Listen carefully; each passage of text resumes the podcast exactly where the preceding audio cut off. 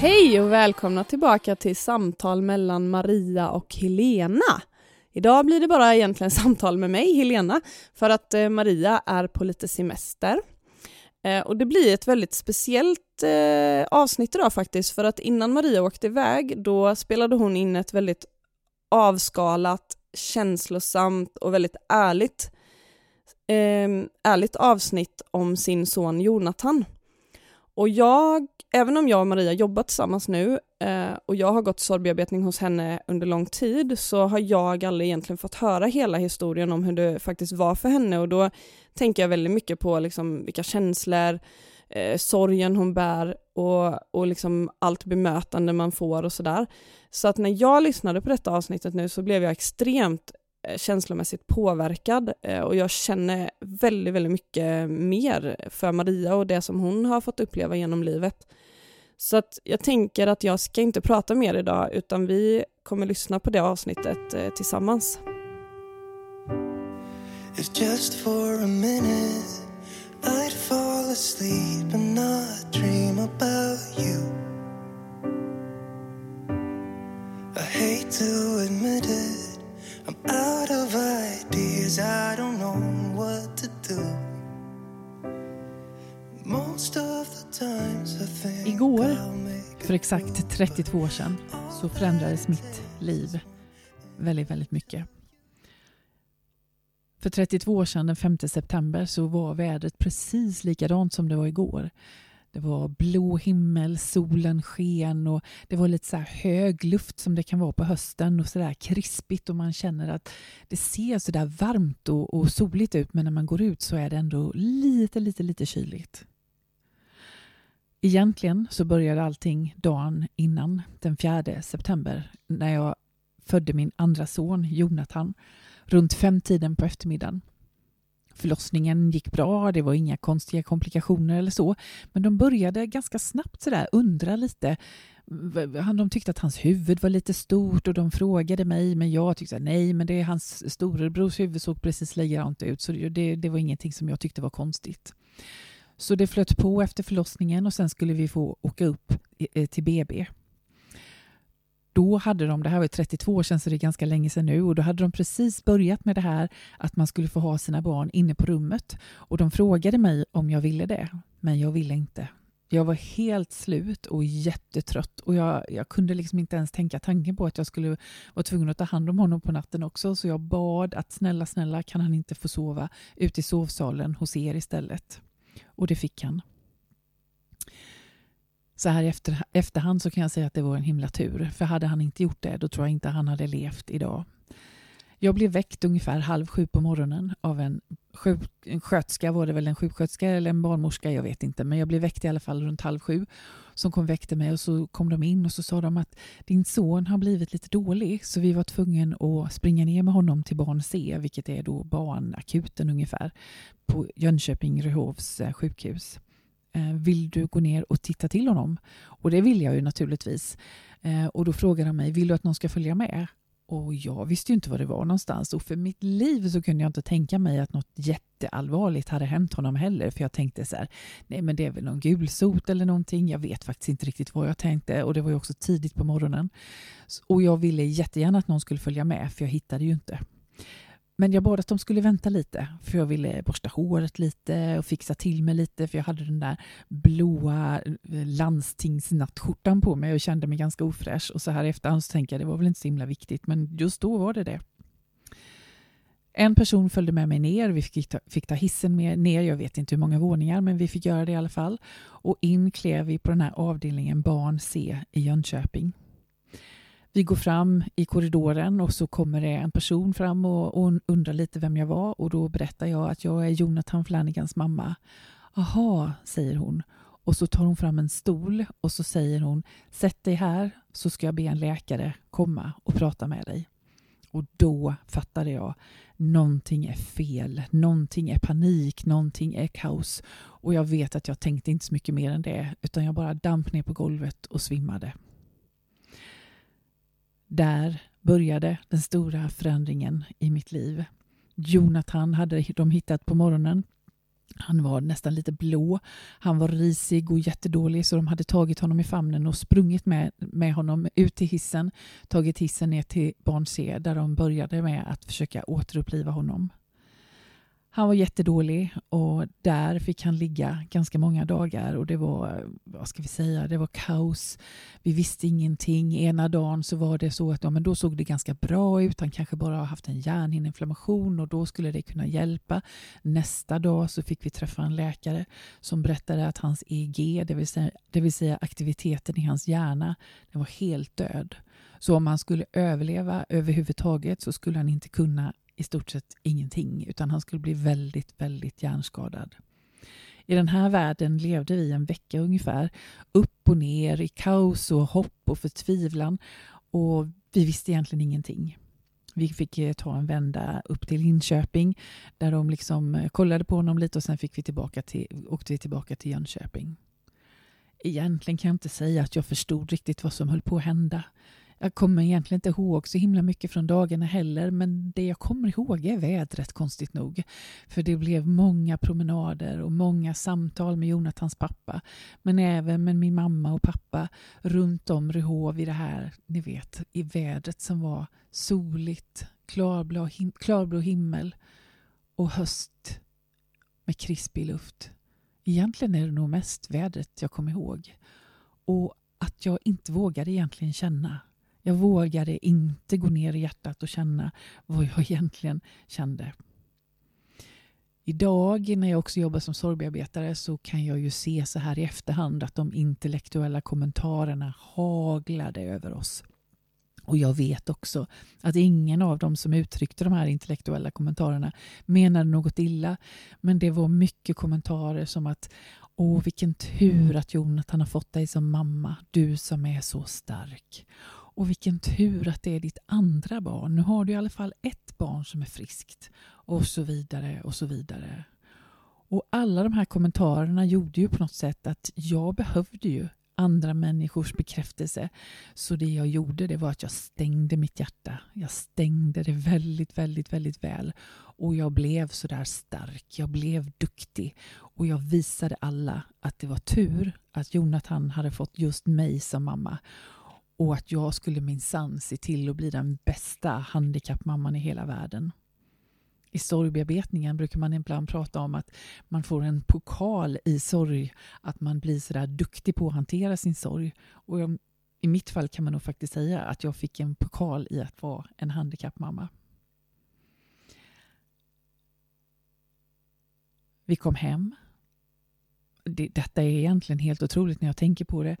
Vi var där i några veckor. Jonathan var nära att dö flera gånger.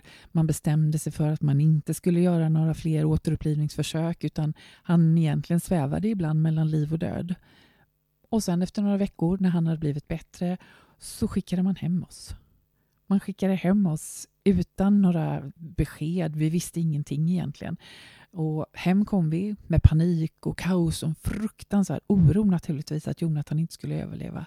Men också en jättestor sorg för vi kom hem med ett barn som vi absolut inte hade någon aning om hur det skulle gå för.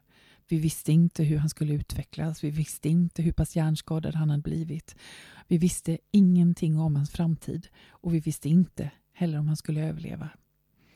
Så här efteråt så förstod jag ju också att det som jag bar på mest av allt det var en oerhört stor sorg. En sorg över det friska barnet som jag inte hade fått. Jag hade gått och varit gravid i nio månader och längtat och väntat på att jag skulle få ett barn, ett syskon till storebror Patrick och sett framför mig hur det livet skulle bli. Men jag sörjde ju det friska barnet jag inte fick. Jag sörjde inte Jonathan men naturligtvis det andra.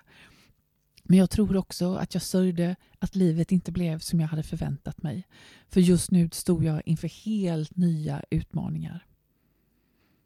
Så här i efterhand så tänker jag att jag var nog aldrig riktigt glad. Jag var liksom ganska sorgsen. Oron hade ju, jag hade en stor, stor oro över Jonathan. Men också det här hoppet som ställde till det lite för mig hoppet om att allt skulle bli annorlunda. Kanske att det inte skulle bli så illa. Kanske skulle han kunna lära sig ganska mycket. Och jag fick också höra av läkare och sjukgymnast att när han är fyra år ungefär, då kommer vi veta lite mer hur allting blir. när han är fyra år. Och med det där hoppet levde jag ungefär till han var fyra år. Det var också en helt ny värld att komma in i. En, en värld som jag inte hade en aning om vad den innebar. Det var många nya människor att lära känna.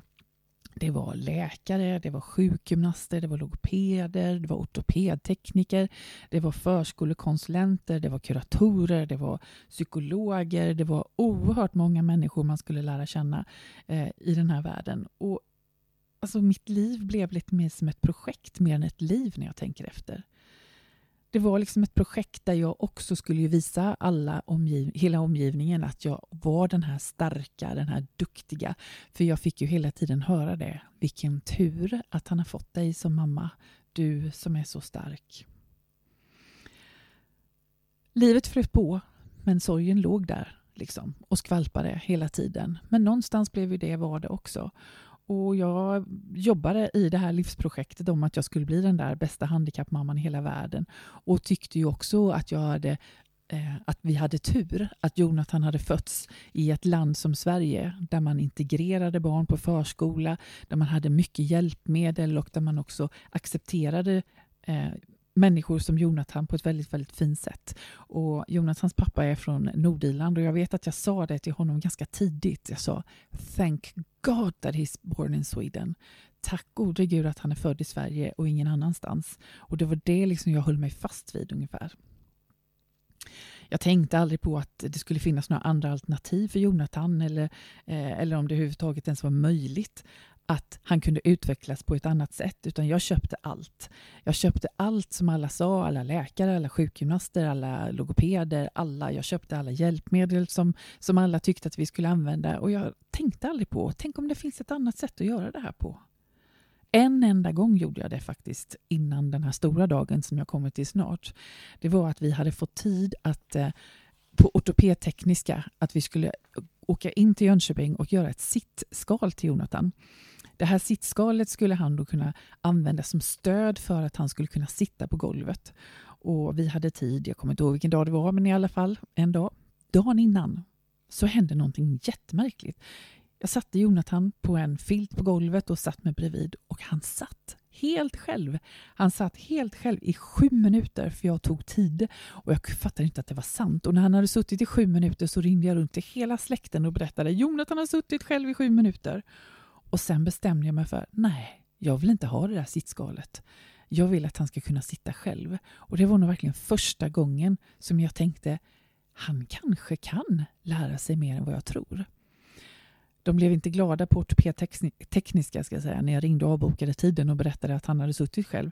För de var så här, nej men alltså nu har ju sjukgymnasten bokat den här tiden och jag tror att hon blir nog väldigt upprörd om, vi inte, om du inte kommer hit.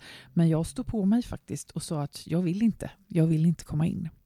Det var första gången som jag kände att det här hoppet kanske var på riktigt.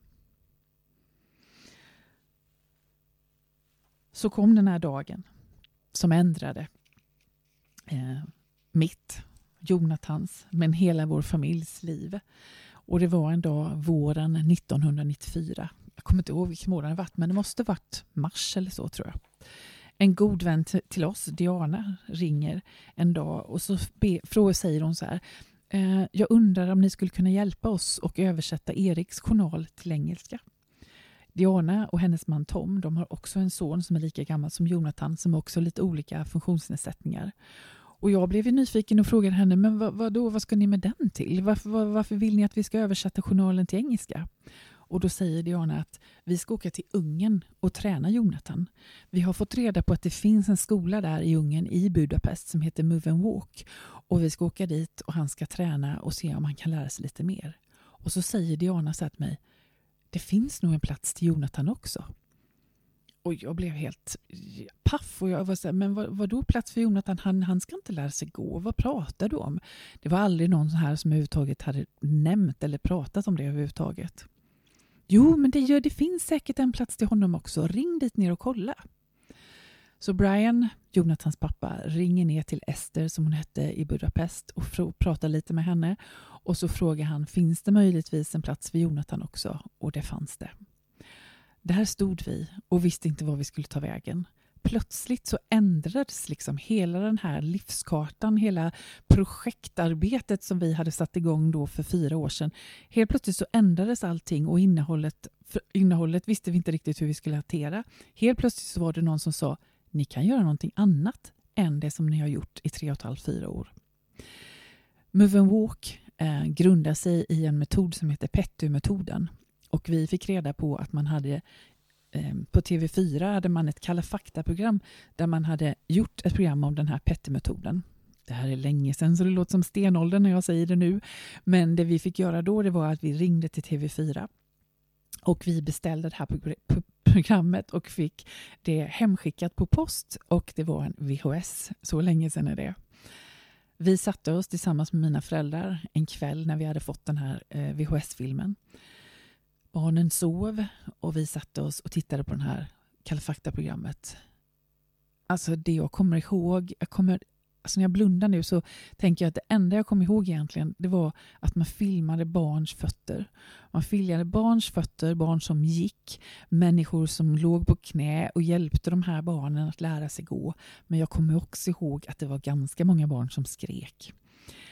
Vi tittade på programmet och när programmet var slut så var det så här på våren, ni vet i mars när det börjar ljusna lite på kvällen men det är fortfarande lite, lite, nästan lite snö kan det vara ute men det börjar ljusna på kvällen. Och jag kommer ihåg klicket i den här VHS-filmen när den var slut och varken mamma, pappa, Brian eller jag sa någonting. Vi satt helt tysta och för mig så kändes det som att jag var fast i ett hörn. Någon hade visat mig att det finns en möjlighet till någonting annat än vad du har trott sedan Jonathan föddes. En möjlighet för honom att utvecklas och kanske till och med kan lära sig gå. Och det blev så här, du måste ta den möjligheten. Tänk om du inte gör det. Tänk om Jonathans storebror Patrick får reda på det om några år sedan att vi hade den här möjligheten och vi inte tog den. Tänk om Jonathan får reda på att vi hade den här möjligheten och inte tog den.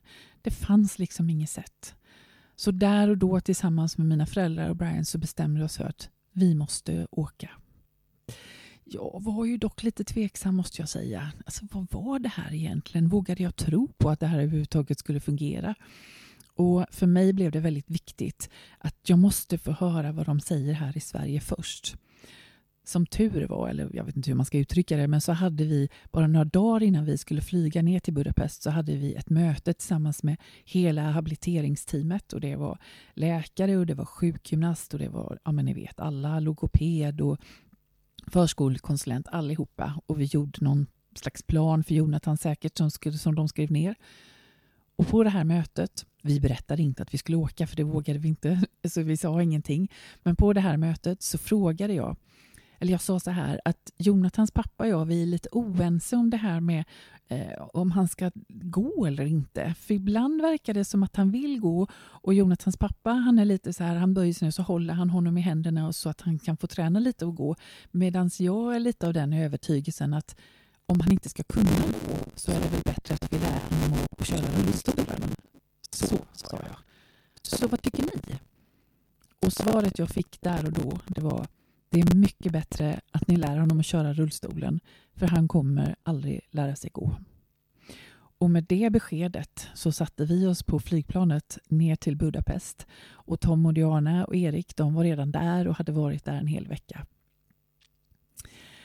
När vi kom ner till Budapest eh, så hade vi, vi hade fått hjälp att hyra en lägenhet och Tom och Diana kom dit till oss den här kvällen och de hade med sig en flaska vin tror jag. Och de var helt uppspelta och liksom berättade för oss om allt fantastiskt som hände där och, och hur Erik tränade på vissa olika saker och vad som skulle hända med Jonathan.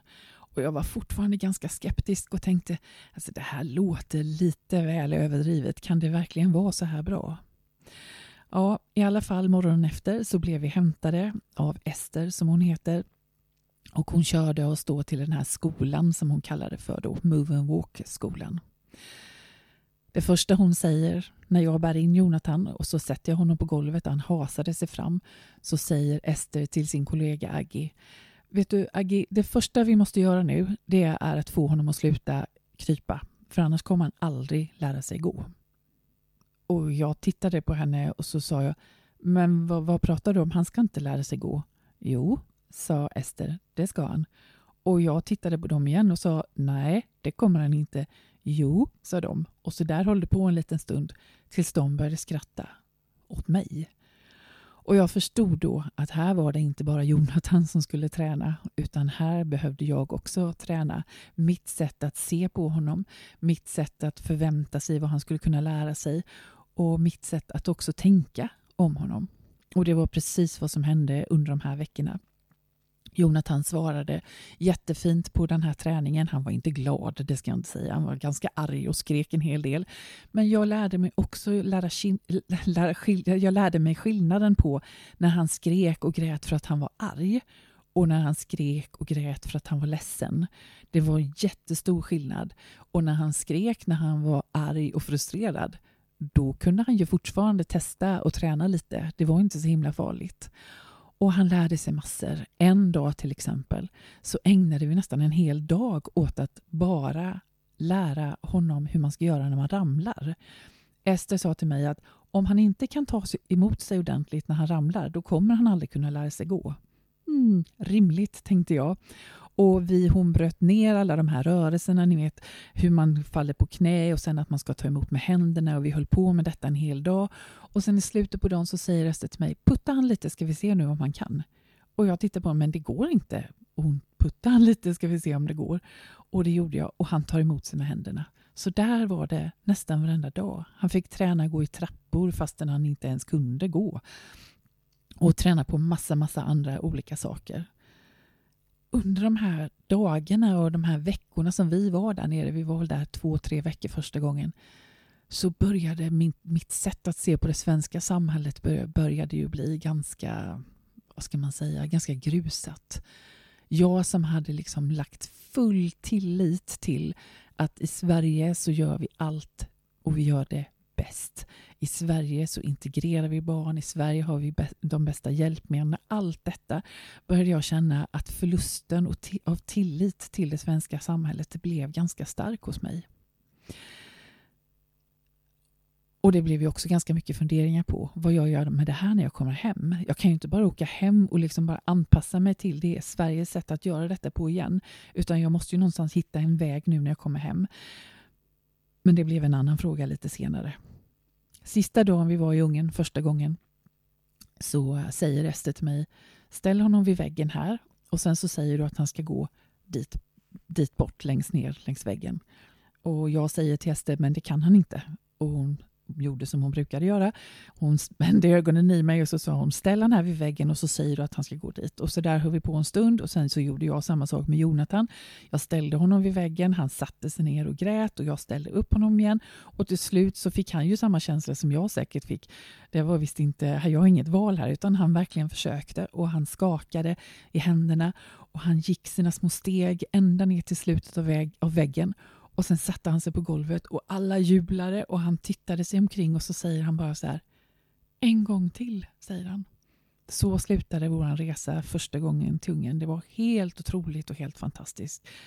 Och jag brukar beskriva det som att när jag flög ner med Jonathan till Budapest, och det kanske låter lite klyschigt men det var precis så här det var.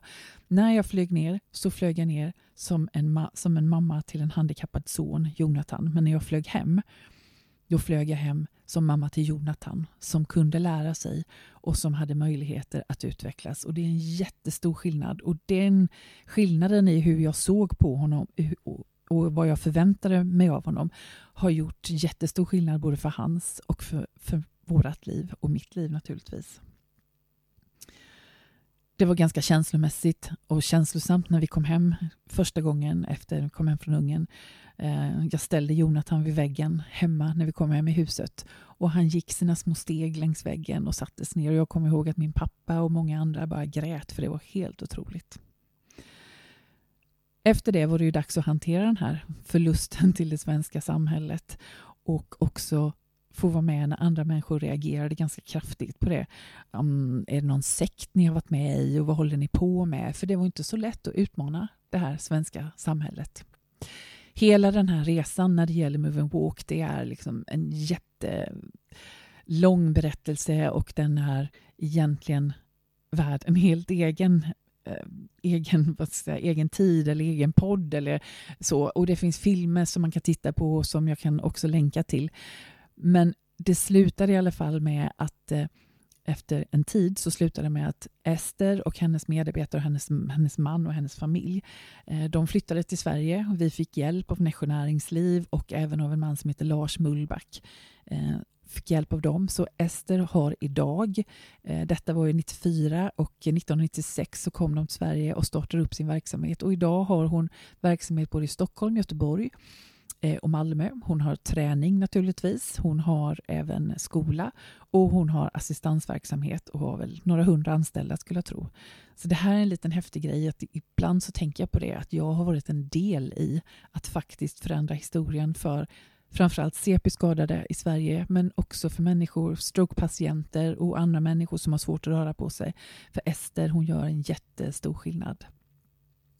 Den här besvikelsen över det svenska samhället och över deras sätt att hantera det här på, den var ganska djup och ganska svår och jag hade jättetufft att hantera den. Det jag inte visste då var ju att det här skulle absolut inte bli sista gången.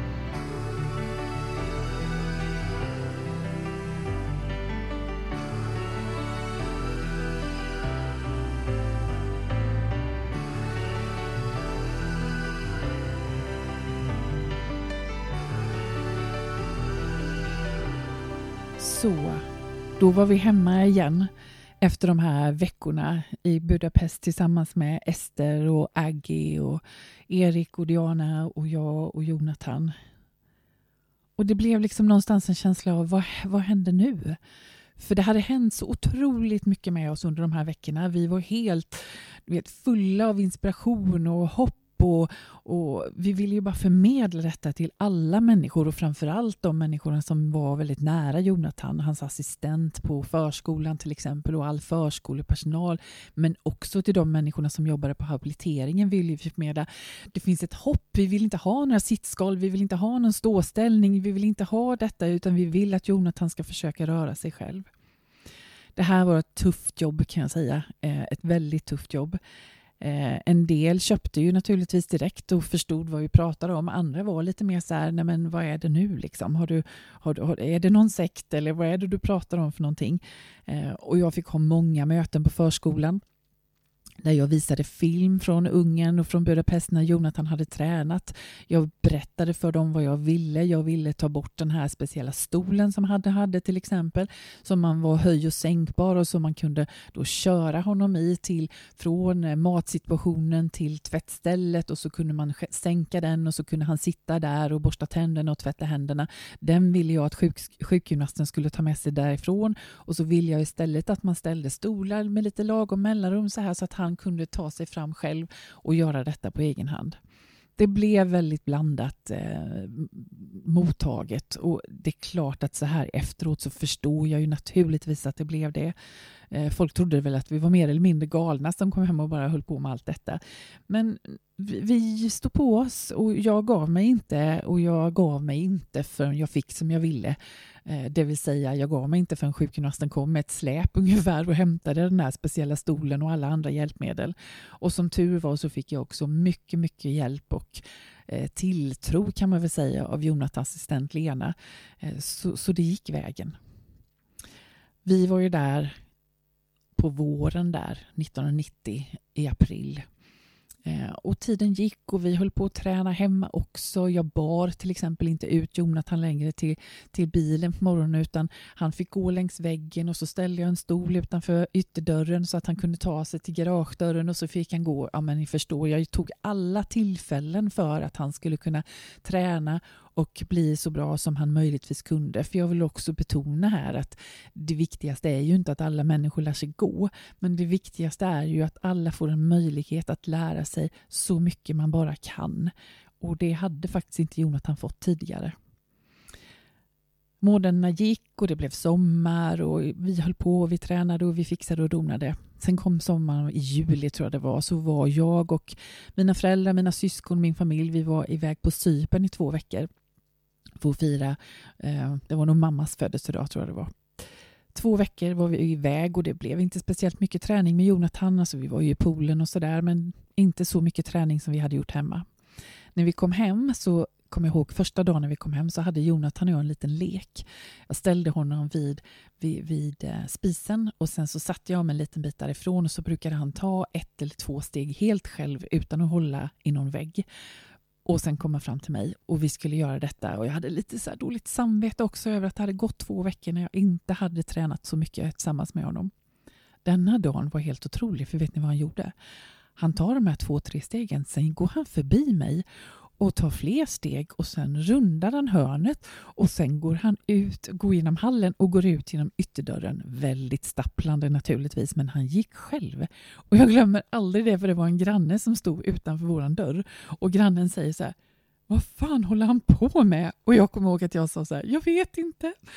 Men det blev i alla fall Jonathans steg till att kunna gå självständigt och från och med den dagen så gjorde han det. Det var väldigt stapplande i början, men han gjorde det och det har ju hänt så mycket med honom och betydde så mycket för hans egen utveckling. Han kom i upprätt ställning, han kunde gå till saker själv, han, kunde ju, han nådde saker som han inte kunde nå när han satt i rullstolen eller när han satt på golvet. Det blev många reaktioner på detta också naturligtvis. Men eh, det var fantastiskt. Och min egen reaktion över detta, det var att jag, jag, jag, tror säkert i två, tre månaders tid varje morgon så väckte jag honom och var tvungen att ställa honom på golvet för att se om han fortfarande kunde gå, för jag var, jag var så rädd att det skulle försvinna. Efter det här så var ju mycket av hans fysiska eh, utveckling eller så skötte han ju mycket själv naturligtvis. Vi fortsatte att träna och sådär men i och med att han hade lärt sig att gå så kunde han ju också sköta mycket av det själv. Det var mycket, mycket, mycket eh, i media runt den här tiden för vi ville ju ha lite uppmärksamhet kring det här med Move and Walk och Ester. Så det var ganska eh, man hann liksom inte känna, man hann inte tänka så mycket själv utan det var mitt uppslag i Aftonbladet, det var liksom på Rapport med Jonathan på tv. Eftersom Jonathan hade lärt sig gå så var det otroligt mycket kring honom. Och det var en ganska jobbig tid när mitt hjärta hann inte med. Eh, mitt hjärta hann inte med varken när det gällde det positiva eller faktiskt vad jag kände utifrån det som hade hänt och hur läkarna hade reagerat och sådär. Eh, Eh, jag fick även vårt tredje barn under den här tiden, eh, så det var en ganska tuff tid känslomässigt. Men jag är jätteglad och tacksam över att vi gjorde det och över att vi var med och förändrade historien i Sverige. Jonathan var då fyra år och hade väl bara ett par år kvar till han skulle börja eh, vanlig eller skola eller så, förskoleklass. Jag var väldigt eh, påstridig när det gäller detta och det här är också det här hoppet om att det skulle bli annorlunda. Nu kunde han gå, han kunde liksom göra mycket saker fysiskt. Det är klart att han finmotoriskt hade han också fortfarande mycket svårigheter men han kunde det i alla fall. Eh, hoppet om att han skulle kunna gå i vanlig skola, det var fortfarande stort hos mig och jag visste någonstans att det var inte säkert att han skulle kunna det, men hoppet fanns fortfarande. Jag stred på ganska hårt att han skulle få börja i en vanlig förskoleklass som sexåring. Och det fick han, men det slutade med en katastrof kan man säga. Han fixade ju inte det. Han klarade inte av att hänga med de andra barnen.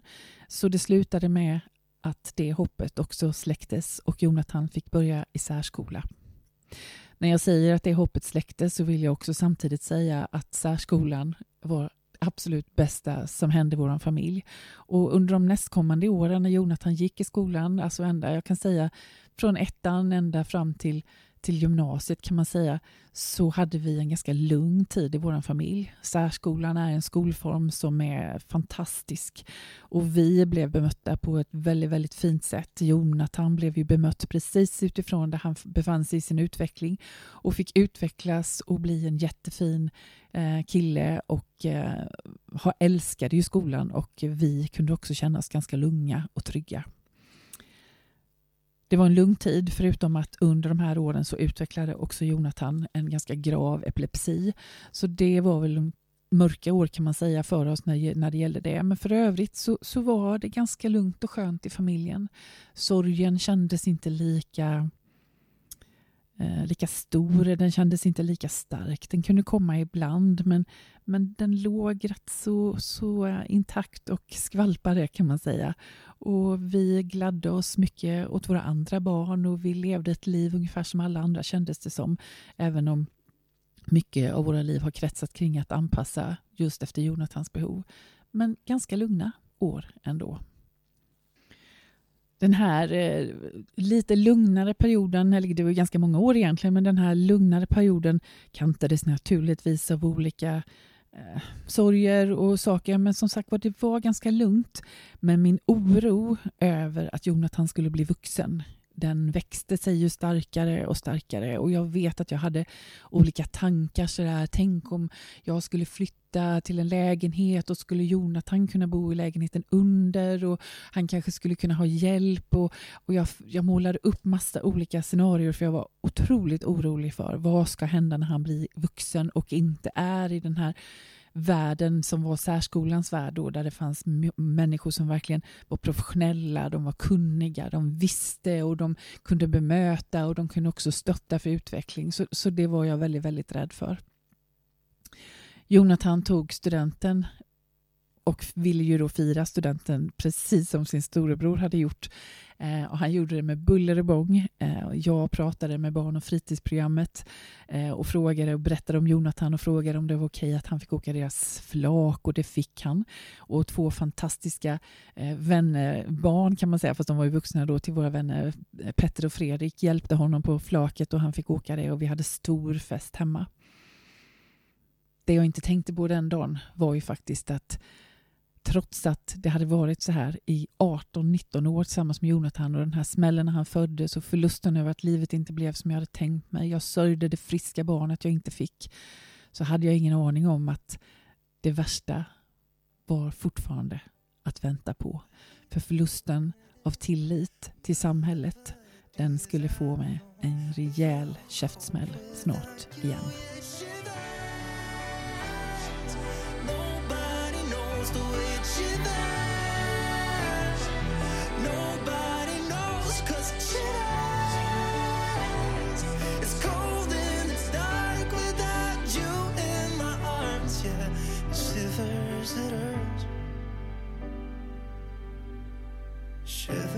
That hurt